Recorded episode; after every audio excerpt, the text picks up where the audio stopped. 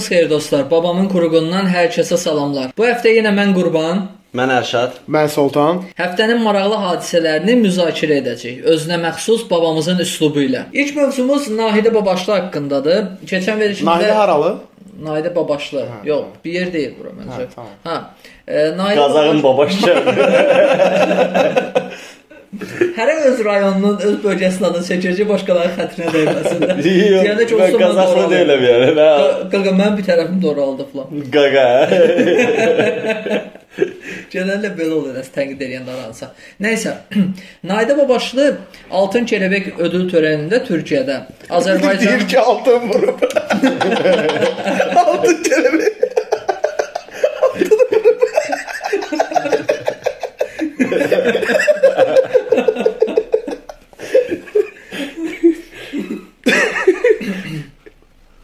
Naidə Babaşlı Altın Kelebek ödül törənində Türkiyədə Azərbaycanın gənc ulduzu mükafatını alıb. Bundan başqa ora e, onun rəqibi namizəd olaraq Çinara Məlikzadə və Ayaz Babayev də var idi. Nə düşünürsüz Naidə Babaşlı haqqında? Və ya hiss bəlkə buna daha çox layiq idi sanki. Azərbaycan nə idi mükafat? Azərbaycanın gənc ulduzu. Yəni o məncə Nahidə Azərbaycan gənc ulduzu sayılmır. Yəni Azər qızı günə kimi yəni buna gedib dostlar. Ancaq türk mahnıları oxuyurlar da. Çinarə Məlikzadə də e, o da ikisi də Ayaz hardasa mən yəni Ay- Ayazda o qədər də türk e, Ayazın repertuarı A- Mən görmüşəm. Ayazda heç nə görməmişəm. Ayaz, də kim, Ayaz kimdir? Və foto bir dolu bir oğlan var idi. Foto Səhv deməyədi. eləmirəmsə odur. Yox, mən də tanımıram Ayazı. Amma ki, düşünmürəm ki, hansısa mahnıları coverlayaraq gənc ulduz olmaq olar. Mütləq özünün nəsə bir məhsul Özünə məxsus bir şey olmalıdır məncə. Yəni bir bir Yəni, mahnı. Əgər burdan hissin öz mahnısı var. Hüsn mahnıları var da, Əslixanın yazdığı mahnılar. Düzdür, artıq Əlixandan danışa bilmirik. Sultan bizə qadağa qoyub Əlixandan Senzura danışır. Əli xan nə Amma- əlaqə? Əsli xanla Amma Əslixandan danışa bilərik. Sistemləri boşluq tutmuşuq. Fürsətdən istifadə edib ortaya soxuşdurur. Valla məncə Azərbaycanın gənc ulduzu yarışması keçirilsəydi, yəni burada təbii ki, his, paster və yaxud da bu Pastor rapper nə qədər uyğun gəlir.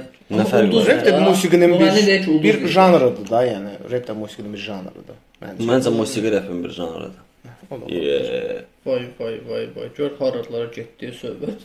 Amerikaya qədər, Bronxa qədər geddirəndi bu söhbət.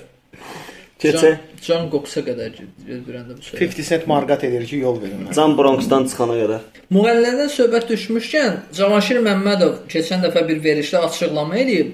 Deyib ki, xalq artistlərinin nəsə pula ehtiyacı var kimi bir şey. Aha. Deyir, millət deyir 5 milyon əhalinin deyir uşağının həm qadını çıxmaq şərtlə 5 milyon əhali 50 Ana bacıları qəpikdən qatmır da söhbət.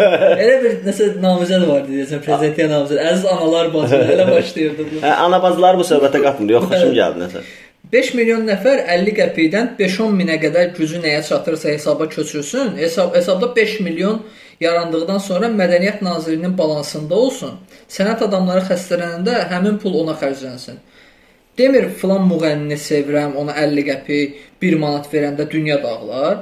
O pul yığılandan sonra təsdiq edir ki, müğənnilər sevilir. Çox üzr istəyirəm. Bura hansı xəstəliklər daxildir? Ya babası çıxsa o da daxildir. Bir ya də onun 5 milyon, elə belə yox, 5 milyon deyir pul yığılsın. Bir də ki 50 qəpikdən bu ya harda yaşayırsan Avanşi müəllim bilmirsən? Bilmirəm, yəqin ki, hadisə Amma mən açığı- Ya villada yaşamağını demə, səmt olaraq Bakıda hardasa. Ya Sumqayıtda yaşayır məncə 50 qəpikdən.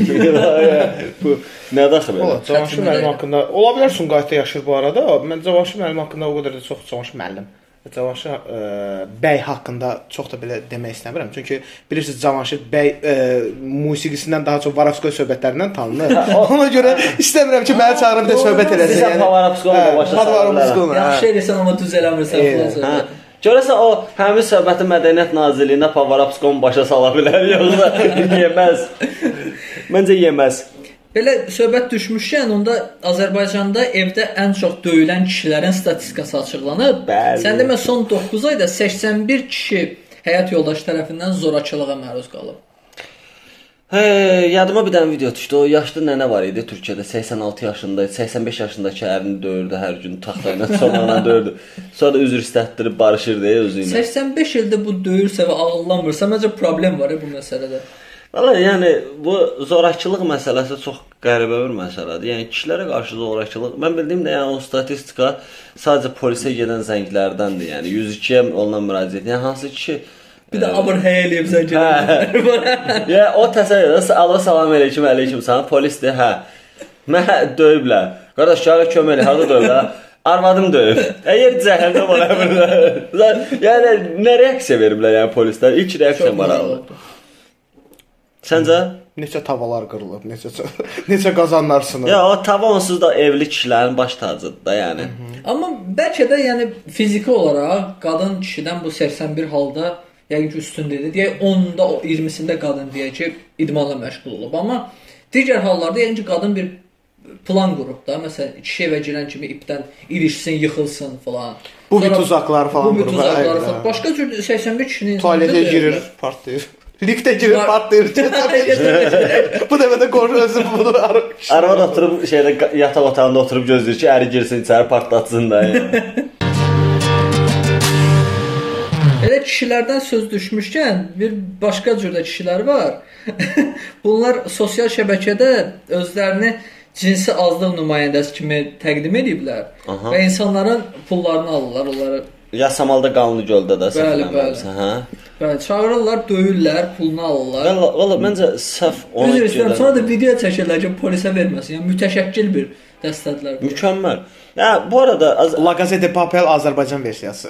ya, Əsərin sonunda var, ya, mükəmməl cinayət edirlər. deməli homofob bir ölkəyidə, yəni ümumi olaraq, amma bu qədər də bu işə meylli insanın olmağı çox qeyri-adi bir şeydir. Yəni həm homofobuq, həm də bu işə çox meylli insanlar gedirlər və orada döyülürlər falan, nə bilim. yəni məncə insan getmə, yəni ge getməzdən qabaq yəni fikir verirsən ki, bu gedəcəyin location, bu məkanın adı sənə nəsə bir çağırış verir. Qanlı gölə gedirsən də, yəni Hə, göy gölə getmirsən ki, hayda deyib istirahət eləyəcəksən. Göy göl daha göl. uyğundur, yəni. də göy göl mavi. Eynən. Amma qanlı gölə girsən də qardaş. Bu Ya bir də yəni yasamala gedəndə ümumiyyətlə ehtiyatlı olmaq lazımdır. yəni keçən dəfə yasamalda bir dənə dayday yolla gedirdim yasamalda ə, asan xidmətin qabağında. Birdən yolda dayday nətə siqaret istədi. Daydaya qaçıb butkada siqaret alıb gətirdim. Yəni tonlamanı elə qoydu ki, yəni məcbur almaq məcburiyyətində qaldım. Başqa yolun yoxdur da. Yəni durduq ora biraz apaslı zonadır, girmə masallıya. Nə elə bir şey. Yenə masalı. Niyə dönüb dolaşır mənim rayonuma gəlirsə? Salyan. bütün yollar masallıya aparır. Sənin bayaq toxunduğun mövzu maraqlı idi. Deyirsən bu qədər çox homofob ölkə kimi tanınırıq. da. Aha. Ətrafda hamı deyir ki, filankəs üzdən İraqdır. Ad belə çəkmirlər. Kim anar Üzdən adı İraq, verir zət. Kim anar adı falan. Amma doğrudan da bu işə bir tələbat var da. Məncə vəziyyət yanlış anlaşılır. Bu işdə aktiv olan tərəf özünü e, o cinsi azlıq pozisiyasında görmür. Yəni aktivsənsə, bu mən kişiyəm də, burada aktivəm, amma digərə belə. Kişilərdən söhbət düşmüşkən və ifşalardan video çəkmədən söhbət düşmüşkən, Telegramda ifşa kanalının adminləri saxlanılıb. Onlar paylaşdıqları şəkli silmə müqabilində insanlardan pul istəyirmişlər.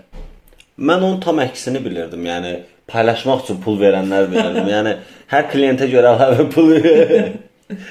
Amma elə elə kalan kanallar da var. biraz çox çirkin oldu amma yəni reallıq ifşa kanalları çox məşhurlaşıb Telegramda. Hə, kifayət qədər son müddətdə bir dəfə girdim, başım ağrıdı. Yəni birdən birə yəni harasa 500-600-ə yaxın qız görmək, yəni və hamısının 17-18 şəklini görmək falan çox qəribə bir hissiyatdır. 18 plus görmür. Bu nəsə Xüsusən də 18. mən diqqət eləmişəm bu ifşa kanalları o müəyyən insanların deyək ki, videoları falan yayımlandı.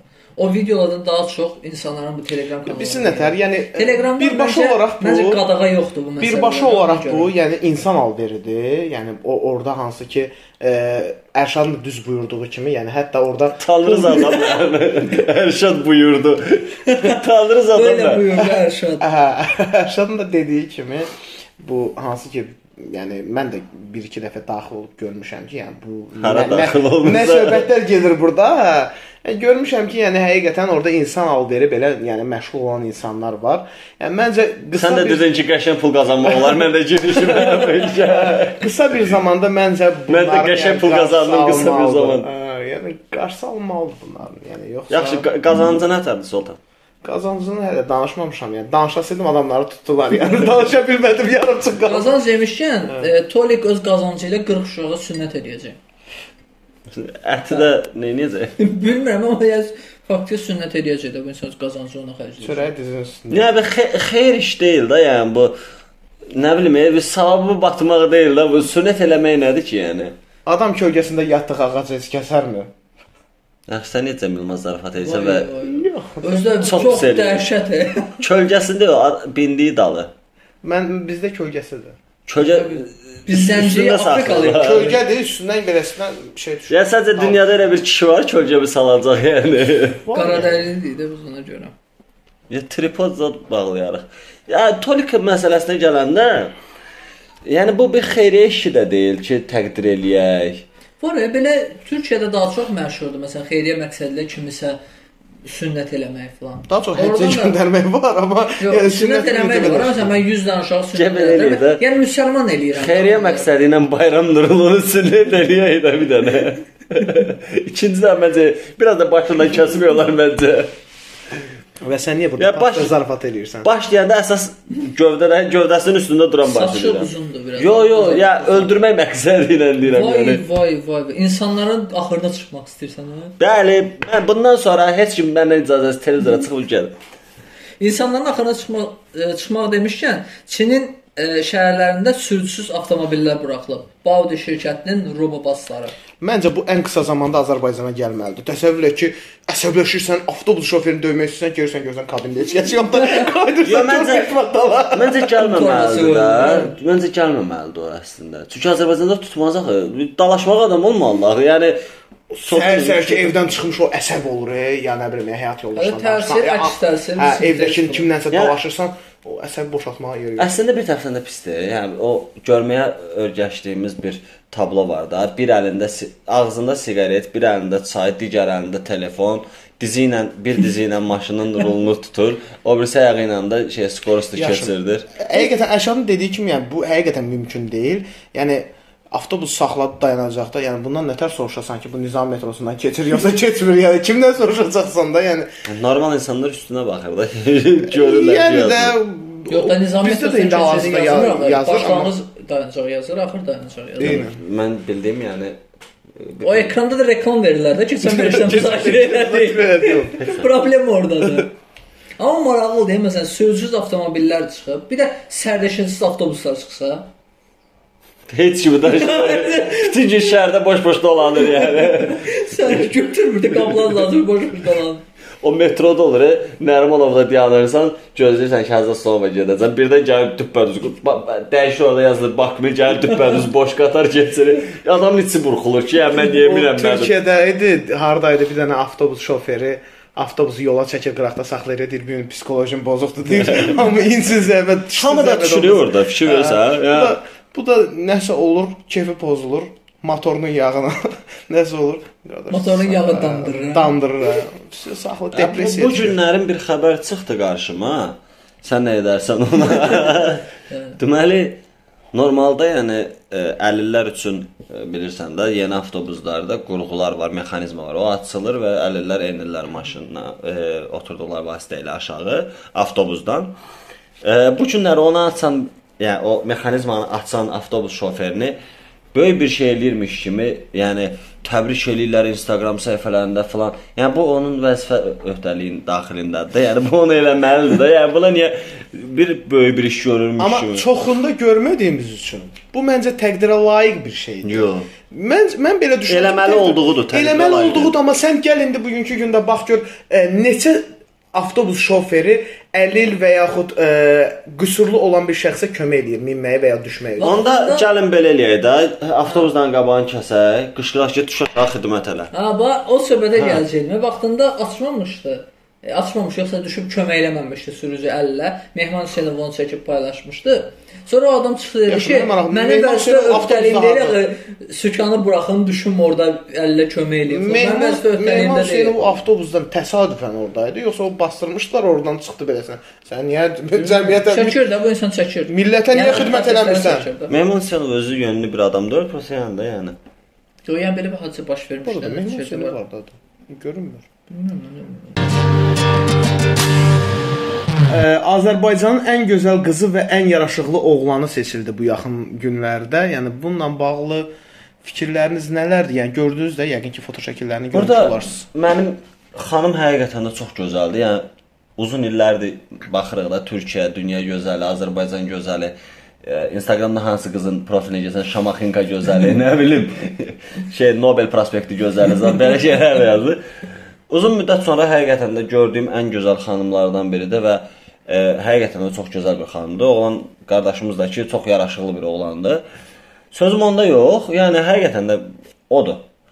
Amma şey, yəni bunları kim təyin edir də? Yəni kimə görə ən gözəl? Yəni mənə görə ən gözəl olan sənə görə ən gözəl ola bilməz. Ki böyük ehtimal elədir. Hə, yəni də. İstəsən xanımın şəklini buradan açım sənin üçün. İstəsən bazara alım sənin üçün. Məsələn, mənə görə xanım o qədər də gözəl sayılmır. Yəni mənim zövqümdə gözəllik deyil. mübahisəli mövzudur. Qardaş budur. Məncə gözəllik belə seçilməlidir. Nə qədər e, artıq yəni məncə elədir də. Yəni ki, bədəninin mi deyim, üz hissəsinin mi deyim, nə qədər hissəsi təbiidir, nə qədər hissəsi qeyri-təbiidir. Amma mən təklif edirəm ki, qeyri-adiliyinə görə seçilsin. Məsələn, bu xanımdan və bu oğlandan nizami küçəsinə çıxsaq, onlarla var. Hamı belədir. Bax, oğlan kimi hamı belə saqqallıdır, hamı belə saçlıdır. Hamı o bir rəng var, e, krem rəngi kimi palto geyinirlər. Rəngi. Yəni o paltodan geyinir hamı.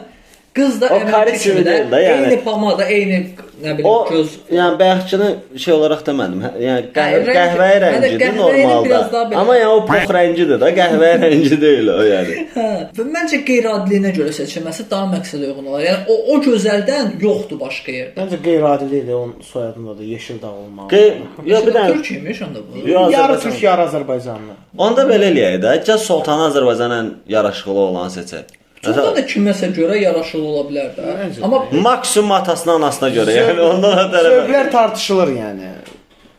Yəni kim kim daha çox Səs tapa bilər, kim daha çox sarışın sevə bilər. Amma bunların hər hansı bir kriteriyası var. Kim məsələn əlbəttə ki, sevə bilər ki, e, insan olmasın və e, kim sevərsə idmanı Poladdan olar canı. kim E, bunu, e, bunu Buradan məs- bağlanırıq Qutlar dındırı. Məncə bunun hər hansı bir.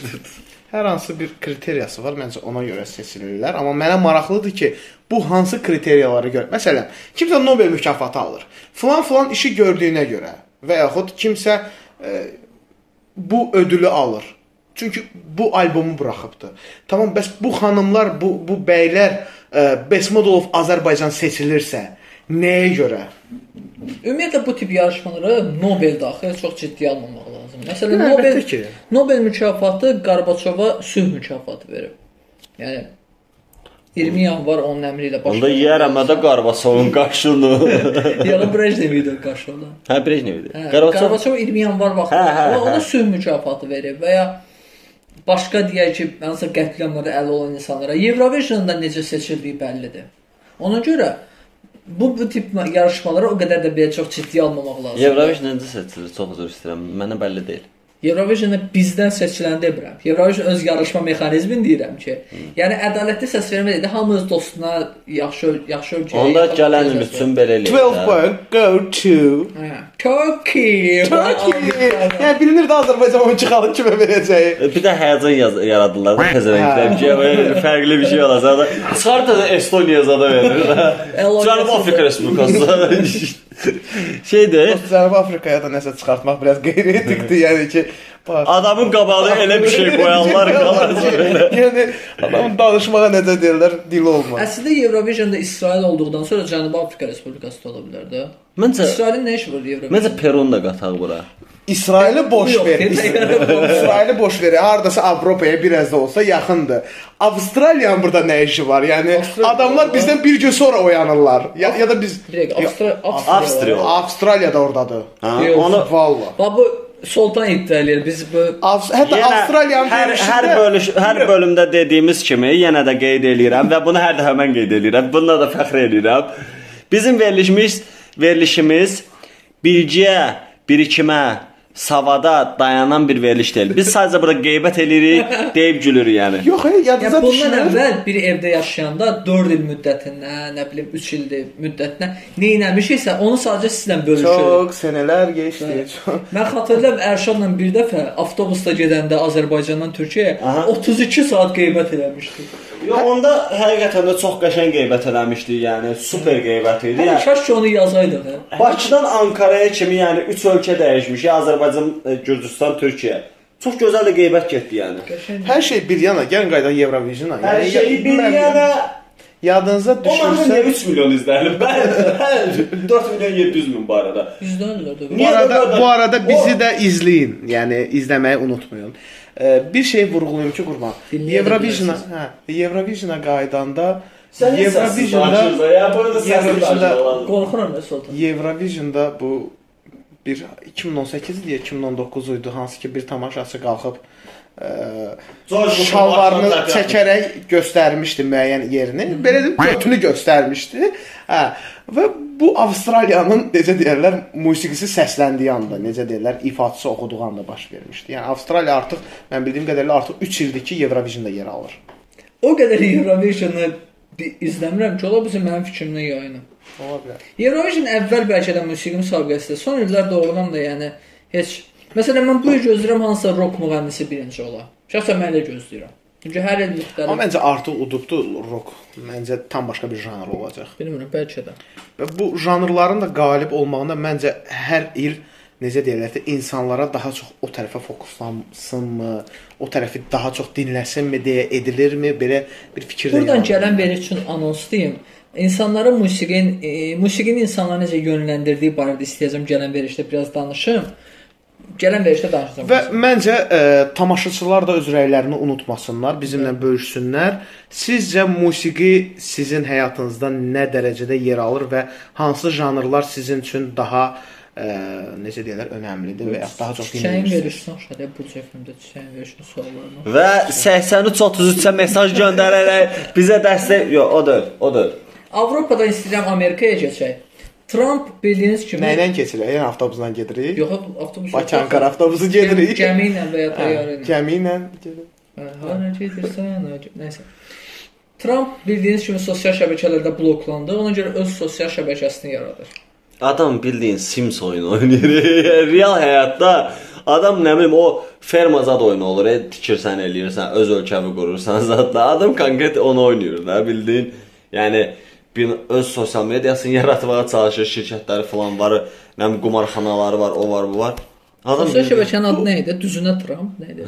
Düzünə Bu həqiqətən yəni o deyil. Sevgi. e, Bəzən insanlar yaşlandıqca e, artıq biraz uşaq kimi olurlar. Məncə o tərəfə gedir. O sanki elə bir adamı e, hardansa qovalayıblar, dışlayıblar və adam küsüb gedir özünə nə bilim yeni bir aləm Mən yaradır, iddia yeni bir edirəm, tam dünya. məsuliyyətini iddia edirəm. Trump axırıncı seçkidə seçilmişdi və onun seçkiləri saxtalaşdırılıb. Biden seçilməyib. Orada böyük bir Biden, karusel Biden, əməliyyatı Biden, olub, Biden. tam ciddidir. Trump seçilib qardaş. Mən e, deyirəm sözümün də arxasında. Bu arada Azərbaycan lobbisi və Türkiyə lobbisi e, Trumpın arxasındaydı. Yəni ki, sonuncu. Onun görə uduzub. Bobby'yə baxmısan, Bobby'yə. Onun görə uduzub. Bobby'yə baxmısan? Vay vay vay vay. E, bu arada e, açacağı sosial medianın adı The Trust-dır, yəni. Yəni Trust deyəndə yəni T R U T H də yəni Hə. həqiqi. Mənası trust belə yox. Yəni Nobel prospektinə səhv salmayın. E, düz Onu Nobel gedirəm də prospekti. trust da yəni şey düzünə sosial şəbəkə. E, belə. O bir söz var idi. ya, Azərbaycanda sosial şəbəkə qursa adı nə olar? Eynən. Nə idi? Namuslu ailə həyatına elə bir şey. Nə Elə. söhbət var idi mampası. Yenə də deyirəm namuslu. Növbəti mövzu Suriyanın ə, məhvi fonunda narkotik imperatorluğu çiçəklənir. Yəni ki, Məxfi fondu fonunda. fonunda. Məxfi fondu fonunda. Yox, məhv, yəni məhv olanda arxa fonda yəni Hə, hə, o mənada. Ev sürən məxfi bir fonu var. Bu bilirsiniz nəyə oxşadı? Bu o hansı ki Titanik gəmisi batanda orada skripka çalan şeylər olur. yəni son o musiqiçilər olur. Ona Yox, bənzər. normalda həmişə belə qarışıq ölkələrdə narkotik. Yox, onu elə onu oxşatmazdım mən. Tam bir oxşatma eləyəcəm. Titanik gəmisi batanda orada alverçilər var idi, nəsə satmağa çalışırdı. Bax o bu odur. Yəni nə nəsə ən yaxşına gedir. Nə nə illegal, legal, nə edə bilərik? Ən narkotik sataq. Ən qəşəng. Yəni bu odur yəni. Eləyə biləcəkləri maksimum budur da, yəni. Nə deyim? Ya e, elə e, bu şərait qurulub, rahat da eləyirlər. İndi bunu tam olaraq e, kim eləyir, necə eləyir bilmirik. Amma ki, yəni bu Kim Kim Kardashian eləyirmişdi? Mənə maraqlıdır ki, bunlar Halo da eləyirdi. bunu. bunlara yəni hard eləyirlər də. Hər yer dağılıb, sökülüb. nə? Söküntü- Binanın binanın içində. eləməyəcəklər ki, Binanın otluq tapan kimi eləyirlər. Bir də şeydir. Suriyanın məxfi fonunda eləyirlər. Suriyanın məxfi fonu. məxfi fonunda. Məxfi fondu. Maliyyələşdirir. Fond yığırlar. Yenə sponsor Suriyada məxf eləyir. Suriyada narkotik əkənlər bizi eşidirsinizsə gəlin sponsor olun. Bir o qalmışdı. Eynən vallahi da. Bu arada keçən dəfə bir toydan video gördüm. E, ya, ya indi bəy tərəfdir, ya gəlin tərəfdir. Yəqin ki Kirvə- gəlin tərəf olar da. yəni. Kirvələr gəlir, yoxsa qudalar mı gəlir? Nəsə? E, yəni normalda görmüşük xonça oynada oynada gələrlər də. Yəni bu xonçalar göydə gəl, əllərin üstündə, başların üstündə belə gəlir. E, bu dəfə qeyri-adi bir şey gördüm. Şkaf oynada oynada gətirirlər. Məncə yəni. bu biz ilk yadıma nə düşür? Belə bir şey yadıma düşür ki, indi yəqin ki bəyin əmisi Bazburuddur, Rusiyadadır. Yəni bəyin ə- əmsini belə təsvir eləmək üçün şkaf göndəriblər ki, bunu da sənin əmin göndərib. Bəyin, bəyin əmisi. Bəyin qaddasını alım. Bizə bir qrup yoldaşımız var idi. Bir dəfə dedi ki, "Bə- toya getmişdi. Getdim bəyin anası ilə, bayısı ilə rəqs elədim dedi. Çox pis girdi cümləyə. Deməli, keçən dəfə bu Ayzar, Ayzar yoxdur, qışqıra qışqıra qışqıra danışır. Özür istəyirəm toy məsələsini bitirək deyim də. Son həftə ərzində 2 dənə toyda iştirak elədim. Başım hal-hazırda, yəni bu bu, bu səs var başında baxın. Bu səs var ağlımda ancaq. Məncə bu koronadan sonra hələ də kökləyə bilməyiblər alətlərini. Ona görə səs elə çıxır. Uzun zamandır çalmırlar da ifa eləmirlər. bu qədər musiqi, bu qədər səs hamı düşür, oynayır. Həmişə bunu nümunə gətirirəm ki, bax Qobustan abidə, Qobustan neçənci ildə o qayıs rəsmləri? Eramızın əvvəlindən deyək də məsələn 3000-ci ildə deyək məsələn. Miladdan əvvəl. Miladdan əvvəl 3000-ci ildə. Adamla hava Yeni endirən 2000-ci ildə 5000 ildə Qobustan Qobustan qayısı rəsmlərində görür ki, rəqs edən fiqurlar var da. 5000 ildə ölkədə rəqs eləməyə heç dəyişməyib. O orada necə rəqs eləyirdilər, burada da elə rəqs eləyirlər. Dəli kimi. Hə, İki insanlardır da, əlbəttə rəqs eləyəcəklər bilmirlər. Bizimkilər də o görüblər. Yəni bu nə qədər mədəniyyətimizin bir parçasıdır, müzakirədir məncə yəni. Təsəvvür et ki, Qobustanda ilk insanlar da rəqs edirlər. Bu bir əlini biraz sağa daha çox qaldır. Ayağı qaldırmadın orada ilk Amma rəqs matriarxal edirlər. sistemmişdə. Deməli belə, e, bu Zaur var, bir dənə Anqra Anqra yazır. Ay Zaur, bax o. O günlər verilişdə götürüb bu şeydə silikon olub olmadığını yoxlayan güya əlində bir aparat var. Orada da bir xanım sənətçinin sinəsinə yaxınlaşdırır, sonra aşağı. Nə bilim bu Fərdanın xalası rolunu oynayır ən çox. Bilmirəm. Bir xala səndənəm. Nə bilim, e, Yəni nə, hamı hə. tanıyırdı o video hamı. Nəysə də tanımıram kimdir. Lakin xanımın sinə hissəsinə, sonra aşağı hissəsinə falan aparatı gətirir və aparat başlayır ötməyə falan. Yəni bu Zaur Zaur çox sevinir ya orada. O silikon göydə silikon olduğu ortaya çıxır. Zaur elə sevinir. Elə bir ki silikonu bu. Yəni bunu efirdə necə eləyirlər də? Yəni bu nə abırsızlıqdır. Yəni biz burada danışırıq, eləyirik. Yəni O köhnə verilişdi, amma bu məsələni ciddi-ciddi deyə bilərəm. Turan İbrahimov keçən dəfə paylaşdı. Bildiyi kimi Murad Dadaşov gələndən sonra Xəzərə yeniləşdirdi. Yəni bu tip verilişləri Xoşqədəmi, Zaur hamısı çıxardı proqramdan. Onlar hamısı keçdilər ARB-yə. İndi ARB ikincidir reytinqlərdə. Birinci ATV-dir. ATV-dən sonra əvvəl Xəzər gəldi, indi ARB gəlir. Deməli xalq bunu izləyir. Əgər o reytinqləri ilə Xalq bunu izləmir. E, televiziyanı izləyənlər bunu izləyir. Həm televiziya izləyənlər. Televiziya izləyənlər. Axırıncı və sonuncu və nə vaxt televiziya izləmisiniz? Bir dənə zəhmət olmasa onu mənə deyir. Dünən Qarabağın oyununu. Qarabağın oyunu. Yəni mən də futbola baxan zaman yəni bir də Yox, izləyirəm. ictimaini televiziyanı. izləyirəm mən açığı.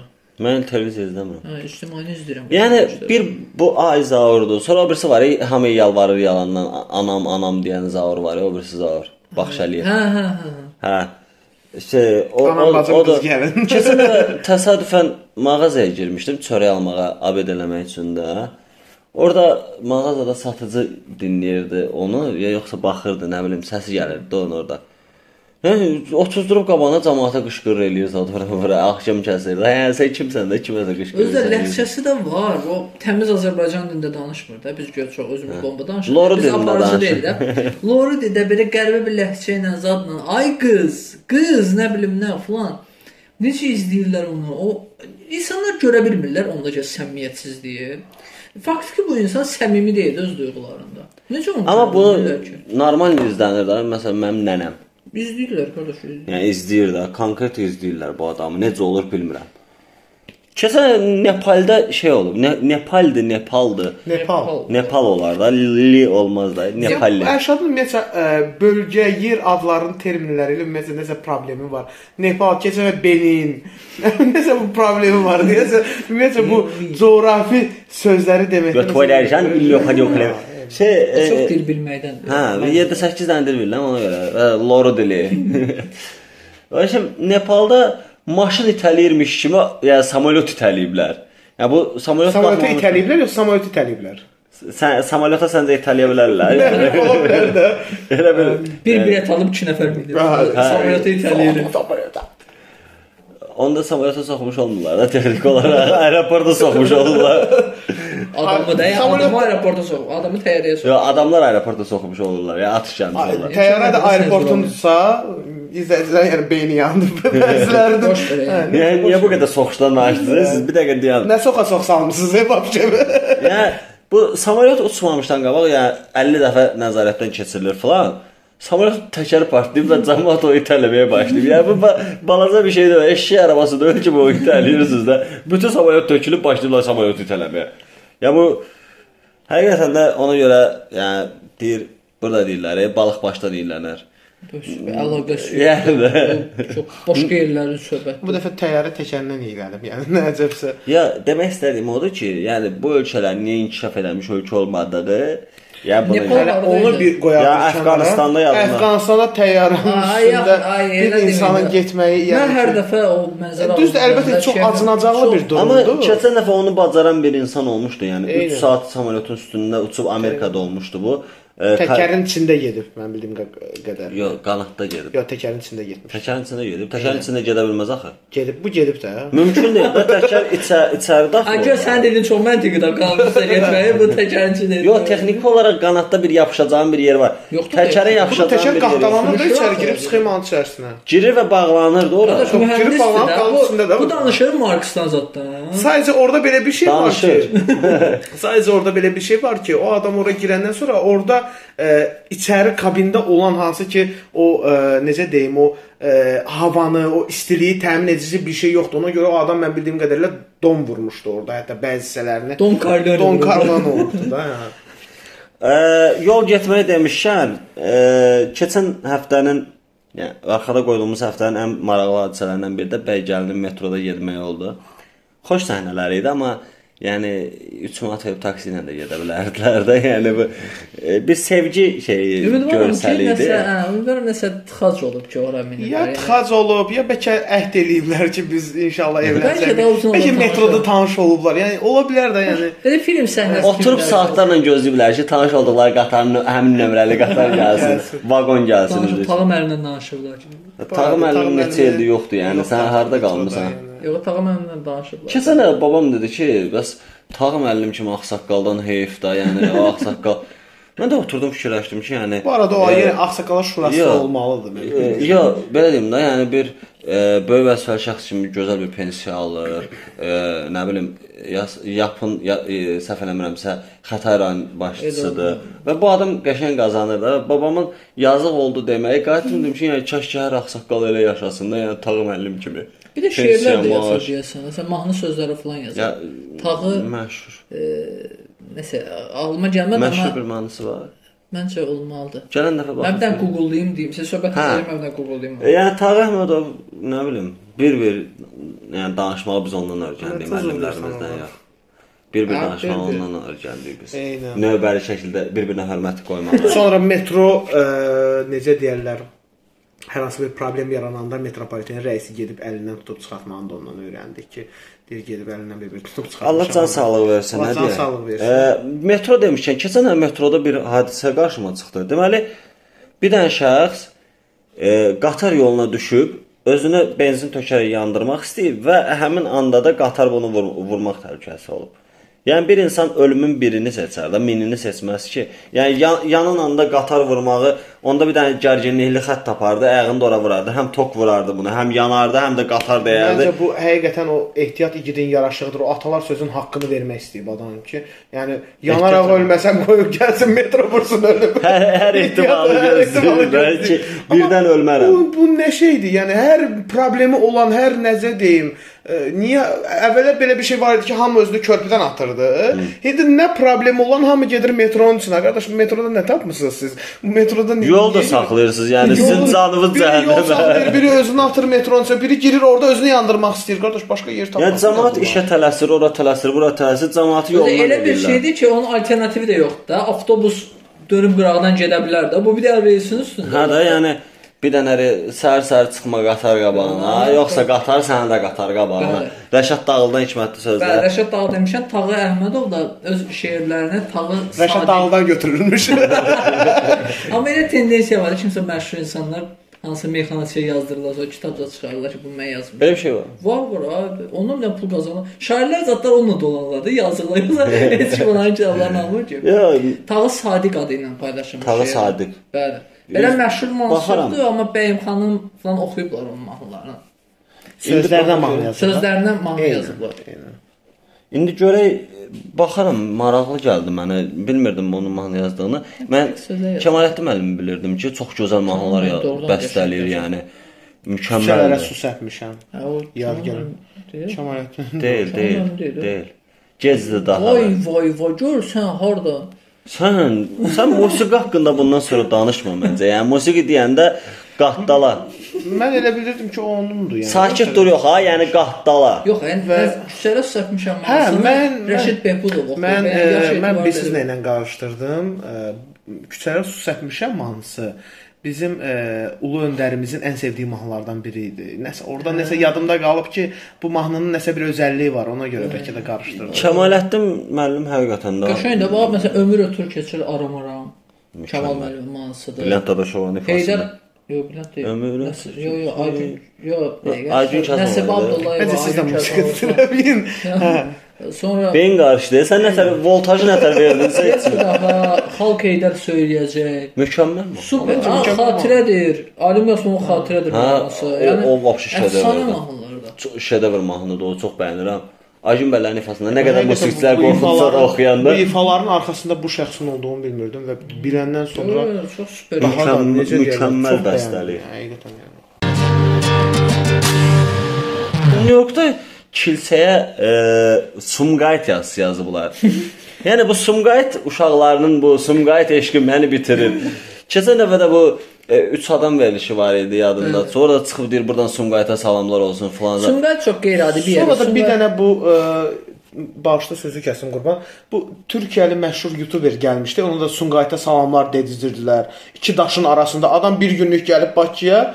Ona iki daşın arasında Sumqayıta salamlar nə idi adı? Ə, həmən türk bloqeri Orkun. Orkun, Orkuna. Orkuna. Orkun yəni- Bakıya gəlir. Bəli, gəlmişdi Bakıya. Xəbərim yox. 0 TL ilə yaşayır. Nəsə belə bir şey. Yaşayıb adam. Ha. Yaş yaşı yoxdur ki 0 TL.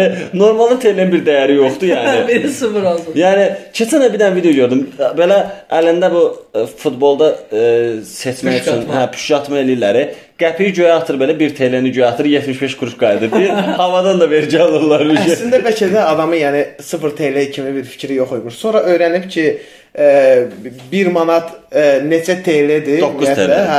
bu arada. Onu öyrənəndən sonra yəqin ki, adam deyib ki, mən hansısa bir məbləğlə keçirməkdənsə elə sıfırdan keçirmək daha məsləhətlidir. Onsuz da qardaş ölkədir, mənə ac qoymayacaqlar orada. Ya Sumqayıt məsələsində Sumqayıta toxundurtmam da. Mən Sumqayıtda böyüdüyüm üçün oranı müdafiə eləmirəm. Amma doğrudan da Sumqayıtla əlaqən yoxdur. Sumqayıt uşaqları yəni ya belə deyim də Yəni sən caza qulaq asan adamsan da, sənin Sumqayıtla yaxından uzaqdan əlaqən Mən yoxdur. izah etməyə çalışıram ki, əsl Sumqayıt o sizin tanıdığınız məşhur Sumqayıt deyil. Məsələn deyək ki, bütün başqalar Kalunkalı qaqaş kimidir Targovda gəzən. Nə dəxli var? Qaqaş Bakılı deyil, yəni Balakəndən. nə ya məsələn Çeçenkalı hamı elə deyil axı, hərə müstəqildir. Sumqayıt dedi. Sumqayıt mədəniyyətlərin Mən Bakılı, Bakılı deyəndə, yəni mənim ağlıma bir nəfər gəlir, o da Ağa Mirzə. Yəni Anə. Anə. Hə, Sumqayıt yəni gəlib kilsəyə Sumqayıt yazısı yazıb. Gəl bunu tərsinə düşünək də. Elə bir hansısa, nə bilim, Amerikalı gəlir Azərbaycanda Sumqayıt elə Sumqayıtın özünə girir. girir, məscidə yazır ki, New Jersey. O bilsin. Qaqaşı soxarlar ki, Jersey nədir?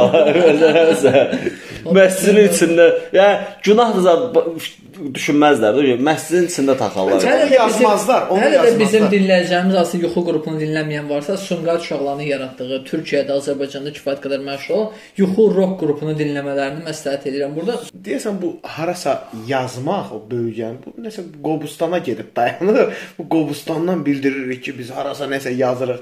Çəkirik. Hətta onunla bağlı bir məsələ də var idi ki, bir ara o bəzi tualetlərdə yazırdılar ki, özündən sonra iz buraxma falan. Yəni, bizim millət həqiqətən özündən sonra iz buraxmağı, tarixə düşməyi arada- çox sevir. Yazı söhbətindən bu arada qəşəng bir örnəyim var. Azərbaycanda hər şeyi həll yolu 2 2 variantdadır. Birincisi üzr istətməklə həll edirlər hər şeyi. Adam çıxır, nə xox yeyirsən, çıxır üzr istəyir və hər şey okeylənir, söz söhbət bağlandı. Cəmaət də rahat oş, üzr istəsin, üzr istəsin. Hə, hə, hə, üzr istədi, söz söhbət öldü. Bir də ki, nəyisə elətdirməmək istəyirlərsə, məsəl üçün də bunu götürməyin burdan demirlər ya da yazmırlar. Yazılar götürən peysərdir. Və onu keçib götürmür, yəni.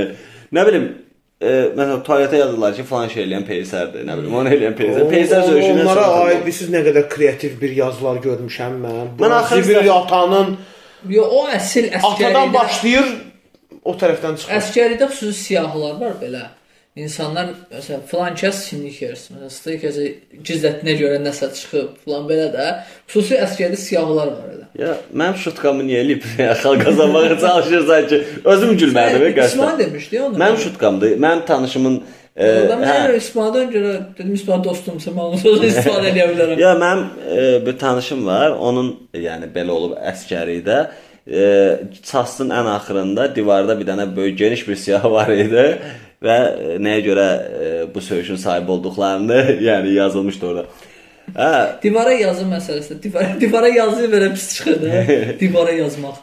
Bir mahnı var idi, yazdım divara, mən avara, var. ya mən də bilmirəm. Nəsə yenə hayal Nə edirəm, şey yəni də mən. Nəysə. Ola bilər. Divara yazı yazmaq məsələn gedirsən Füzulidə, Cəbrayılda bütün evlərin ermənilər yaşayan evlərin bütün divarları tarix yazmaqla hamısı- bağlı nəsə bir E, tarix şey. deyil, ev hamı öz bölgəsinin adını yazır. Məsələn, Masallı falan, nə bilim nə belə.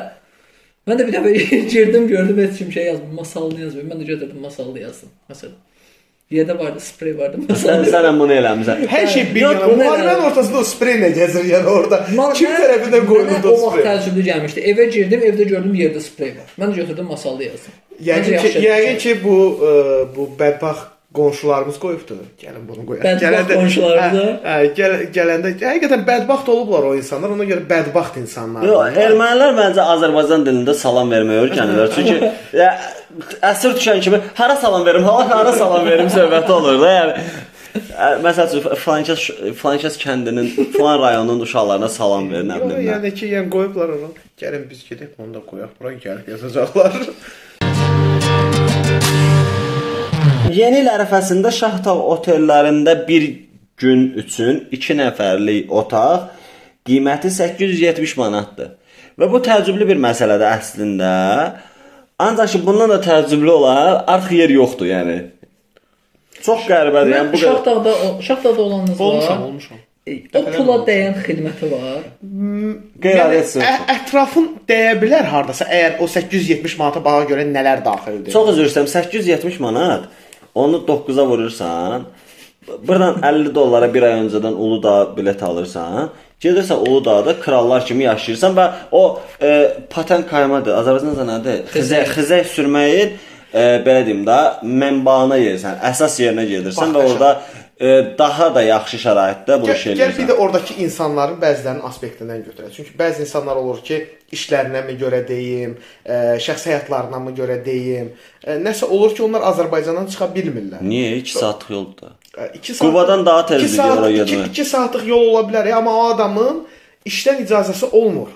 Niyə Quba, Qubaya gedə bilir 3 Tamam da saata? Qubaya gedə bilər. Özüm istəyirəm Şaxdağa bir dəqiqə. Şaxdağa 870 manata bir günlüyünə gedən insan heç kimdən durub onun icazəsini almır ki, onlar mən gedib bir günlük. Şahdağla bağlı e, yekun bunu deyim ki, yəni gedirlər o artıq xərcdir. Mənim düşüncəmdə, yəni e, burada onu verib 2 gün e, yəni 870 manat və 870 manat 1600 1740 manat puldur.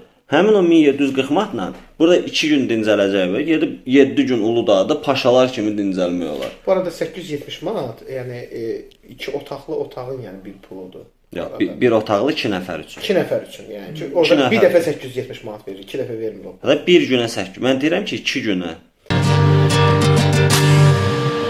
Bir dənə oğlan var idi, Azərbaycan milli valyutasına Azərbaycan milli valyutasını təhqir edib üzərinə tüpürmüşdü.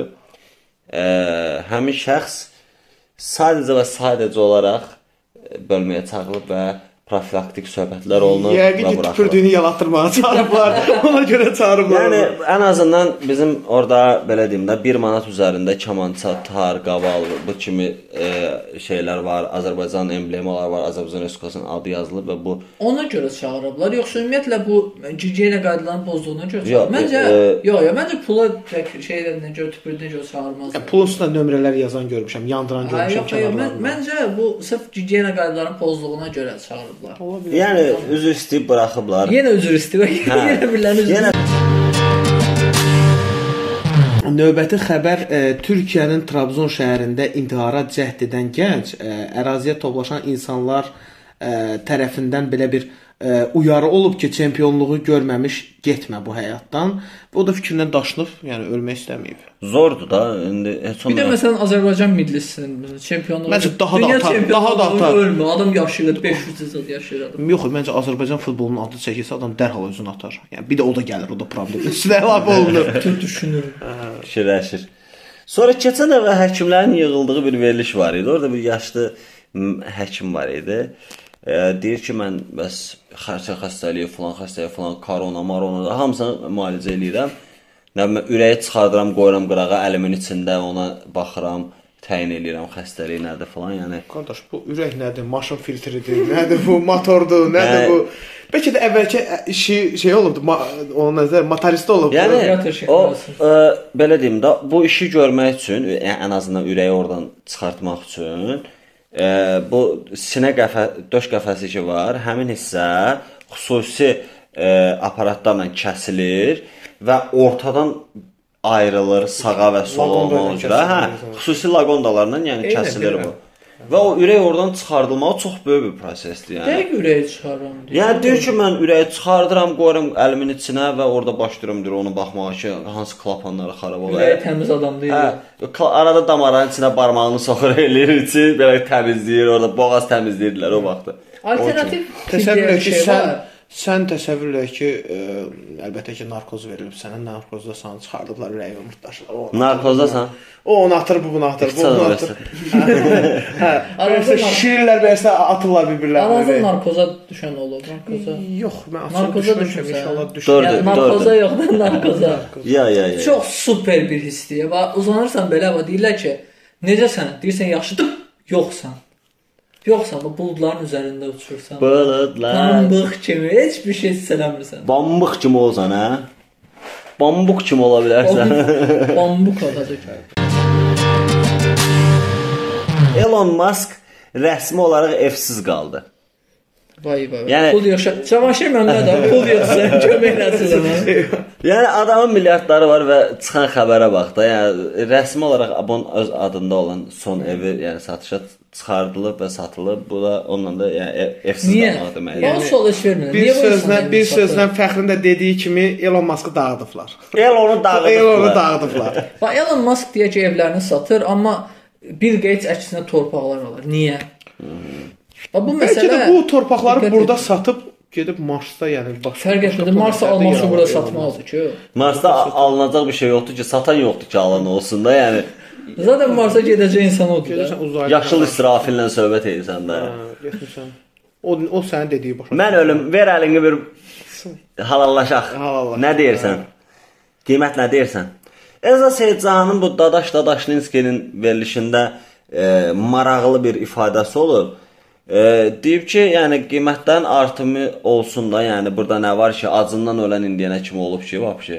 O da acından ölən olub indiyə kimi. Əlbəttə ki, olub da, yəni ta, ə, Yox, bundan da bir sən- kənara Azərbaycanda bilmirəm, amma ə, belə deyək də Afrika qitəsində olan bəzi ə, bu kasıb fakir ölkələrdə, yəni belə bir şeylər Allah baş onların verir. köməyi olsun, bizə də o günü yaşatmasın, amma bax bu məsələ, yəni bu acından ölmək indiyə kimi qismət olmasa, bir məsələ.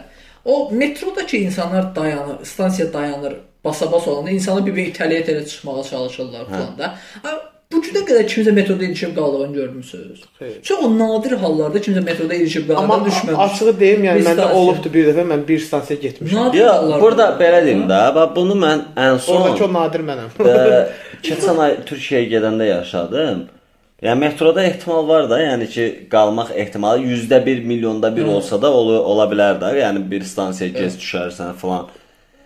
Yəni samolyot dayanan halda yəni nətər ola bilər ki? Hamı durur başlayır qaçmağa. Pilot deyir ki, oradan xanımlar və bəylər, zəhmət olmasa yerinizə əyləşin. Falan orada stüardessalar falan gəlirlər ki, bəs oturun yerinizə zəhmət olmasa növbə ilə falan sanitariya qaydaları. Hə, bir- bir- Hə. Yəni insanlar ya niyə qaçmaq istəyirlər ki, samolyot arxadakı 54 B ilə 54 at düşməmiş riski qalxacaq ki, yəni bu bir icazə ilə də bunların hamısı. Yəni burada niyə tələsiz? Metroda yenə qalmaq ehtimalı ola bilər də hardasa. Burada da yoxdur ki.